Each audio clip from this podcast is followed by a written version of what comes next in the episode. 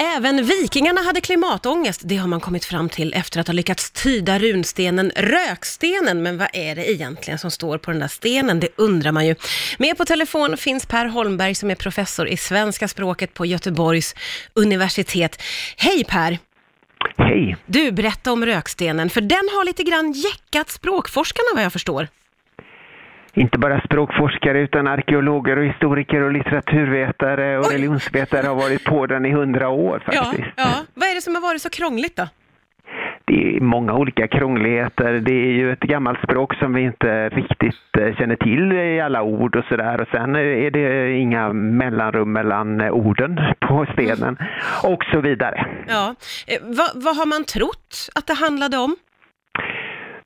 Man eh, tyckte sig kunna läsa namnet på en gotisk eh, kung i början av 1900-talet. Och efter det att man hade tyckt sig se det så var det väldigt svårt att läsa någonting annat just där. Och därför tänkte man då i hundra år att det nog handlade om de här olika hjältarna.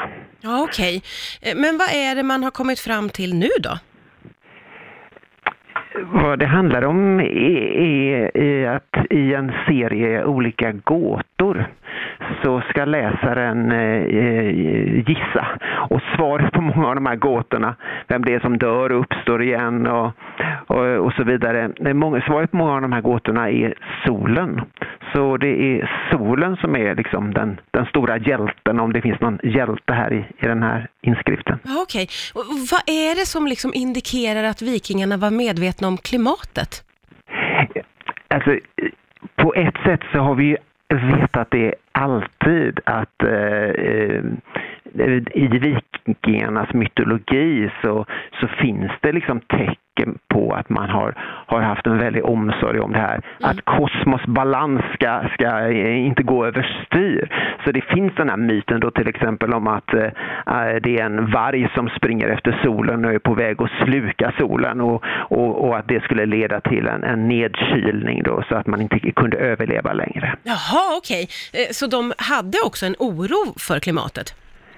Ja, alltså riktigt hur de kände det vet vi inte, men, men, men vi vet att man berättade detta. Det nya då, det som är nyheten här som vi kommer med, det är att den här myten, den här berättelsen eh, finns på rökstenen.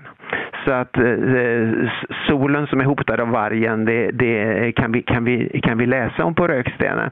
Och eh, det är också att vi använder ny arkeologisk forskning som visar att man inte bara hade hittat på de här berättelserna utan att man hade erfarenhet av dem så att säga. Ja. Inte, inte så att man hade mött den här vargen men man hade mött den här kylan Ja, och lidi, lidit av, av den. Ja. Och, det, och det mindes man eh, säkerligen, att man, man hade genomlevt sådana perioder.